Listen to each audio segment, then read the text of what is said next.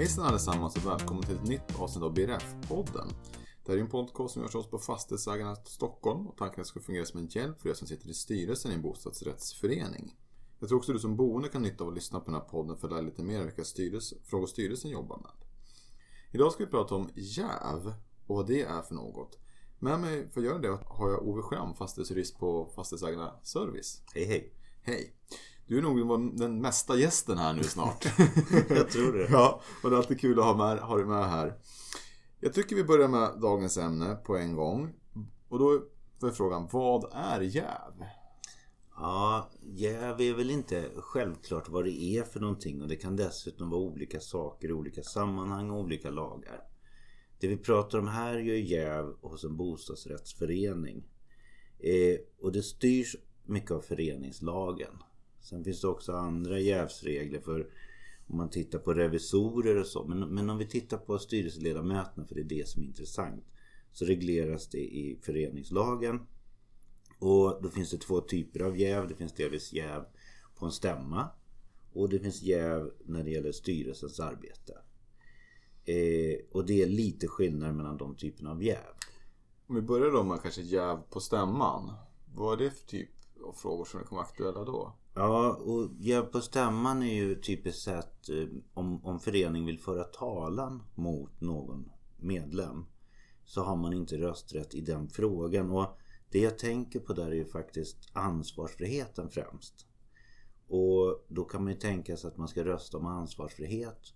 Och då ska inte den person som berörs av ansvarsfriheten rösta på den frågan. Det här är ju vanligen inget problem för man frågar är det stämmans mening att vi ska ge styrelsens ledamöter ansvarsfrihet och så ropar alla ja och så har man tagit det.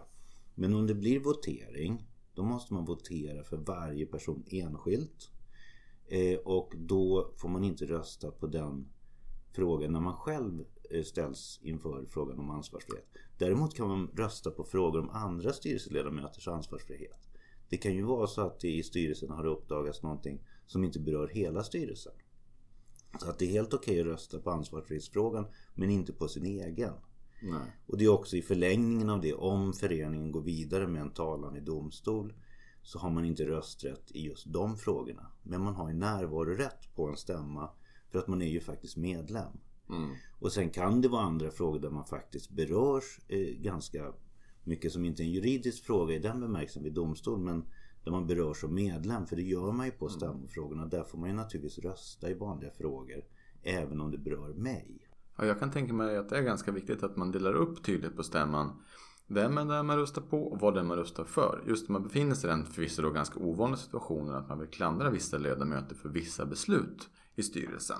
Ja, det är ju jättebra att det är tydligt och klart och man kan, tycker jag, om det är känsliga frågor så diskuterar man ju det här före stämman. Så man vet om det. Sen kan det ju dyka upp plötsligt frågor om, om att man inte ska bevilja ansvarsfrihet och så. Men, men det är väl mest att man försöker tänka logiskt där. När borde jag inte rösta? Och så låter man bli att rösta där så, så går man inte in i något konstiga förfarande. Det här är ett mindre bekymmer. Jag tror att det större bekymret är det som egentligen gäller styrelsens arbete. Ja, men om vi går in på jäv i styrelsen istället som kanske är vanligare än just jäv på stämman. Vad finns det att säga om det? Ja, de är vanligare och eh, något som inte är helt ovanligt är att någon i styrelsen har ett företag som levererar tjänster och kan göra det billigt. Eh, och då börjar helt enkelt föreningen köpa in tjänster från den. Det kan vara en ordförande. Och eh, i början kanske det är också så att det är, det är billiga och bra tjänster men, men det blir ju faktiskt en del av födkroken för den här personen om man sitter på två stolar. Det där är ju inte bra. Det är inget som hindrar att man köper tjänster från ett företag där någon är anställd eller som någon äger i styrelsen. Men det blir ju en jävsituation och den måste man hantera på något sätt. Och hur gör man det? Ja, eh, då som styrelseledamot, om man är jävig så ska man inte vara med varken i beredningen för beslutet eller i själva beslutet. Man ska inte vara där och det ska protokollföras att den här personen har lämnat rummet. Man kan ju ta det som sista punkt och så får de gå hem helt enkelt. Den som är, den som är, är utsatt för det här. Och eh, då får de andra diskutera den frågan. Och det är klart att det är egentligen en ganska snäv krets som i juridisk mening är jäviga. Man måste kunna påverka det beslutet. Eh, att jag jobbar som jurist på fastighetsägarna innebär ju inte att jag kan påverka beslut om, om min bostadsrättsförening ska köpa vitvaror från fastighetsägarna. Jag har inte det minsta med det att göra. Men det kan ändå vara lämpligare att jag går ut ur rummet på de beslutspunkterna. För att visa andra att jag står väldigt långt ifrån jäv. För det är lite det det handlar tror jag om. Det här att det här är en uppförandekodex. Det är, man, man vill inte att det ska bli skitsnack helt enkelt. Och då drar man ut gränsen längre än vad man behöver i juridisk mening. Mm. För det är klart att fattar man beslut om de här tvättstugorna så kommer ingen kunna klandra mig för jäv i den situationen. Men jag vill inte att mina grannar ska misstänkliggöra mig för någon korruption. Och, och då är det ju bättre att jag, jag håller mig därifrån helt enkelt. För min egen skull Mm. och för de andras skull. Mm. Om det då har uppstått en jävsituation i styrelsen, hur hanterar man den då? Ja, om den redan har uppstått eh, så skulle jag säga att eh, var så transparent som möjligt. Ta upp det här på en stämma. Redovisa öppet vad som har hänt. Det är ju nämligen inte säkert att det här är en dålig affär för föreningen. Det kan vara en alldeles utmärkt affär fast att någon i styrelsen har sålt tjänsterna. Om man då är transparent och visar upp vad som har hänt och så får man ett godkännande av medlemmarna att det här var okej. Då har man ju läkt, kan man säga, såren efter den jävsituationen. Det man vill undvika är ju någon slags mörkläggning av det här. För då är vi ju inne på spår när man tycker att då känns det ju som en, ett, eh, att det har gått riktigt illa.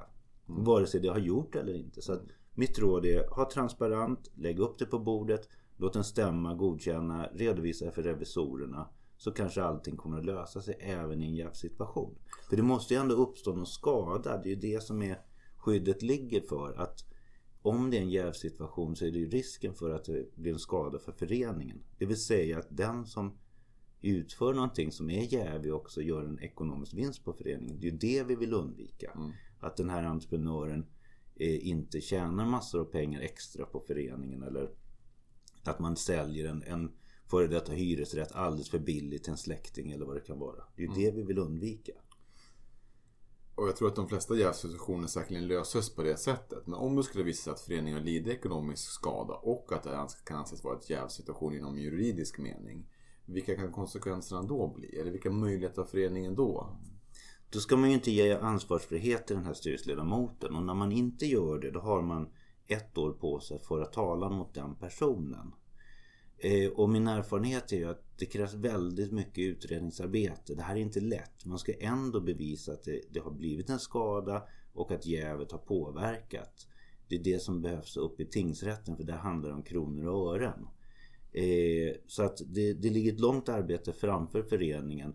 Men det är klart att så primärt ska man ju inte ge ansvarsfrihet för då har man ju tid på sig att utreda. Har man en gång gett ansvarsfrihet så har man ju gett ett godkännande egentligen till den styrelseledamoten för det man har gjort inom ramen för det som är redovisat. Mm. Sen kan det vara saker som inte är redovisade i årsredovisningen. Då har man längre tid på sig. Mm, just det. Och, ja, och ansvarsfrihet ges ju aldrig till det- rent brottsliga handlingar? Eller? Nej det, nej, det hoppas jag verkligen Nej, men det- nej, nej och, det, och det gäller ju inte då. Utan är det en brottslig handling så är det en brottslig handling. Och då gäller preskriptionstiden för brottet. Så då kan man ju föra talan så långt. Just det. Ja men precis, det var bra. Har du några sista ord du skulle säga runt det här gällande jäv? Nej, alltså jag tror mer på, på en, en väldigt, ha en transparent i, i det här och eh, eh, vara försiktig med sig själv och sitt rykte. Det är mer det det handlar om. Och här är vi inne på också att, att mitt uppdrag i styrelsen är att vårda föreningen. Och jag vårdar föreningen bäst genom att det inte blir infekterade diskussioner om jävsituationer. Så att det är väl bättre att jag går ut i rummet så fort jag känner att om jag ens börjar fundera på kan det här vara jäv? Ja men då är vi ju där och börjar fundera. Ja, men då är det lika bra att jag går ut i rummet. Jag måste inte vara med på alla beslut. Ja men jättebra. Jag tror vi känner oss nöjda med det idag. Ja. Tack för att du tog, tog dig tid att komma hit Ove. Tack så mycket. Tack tack.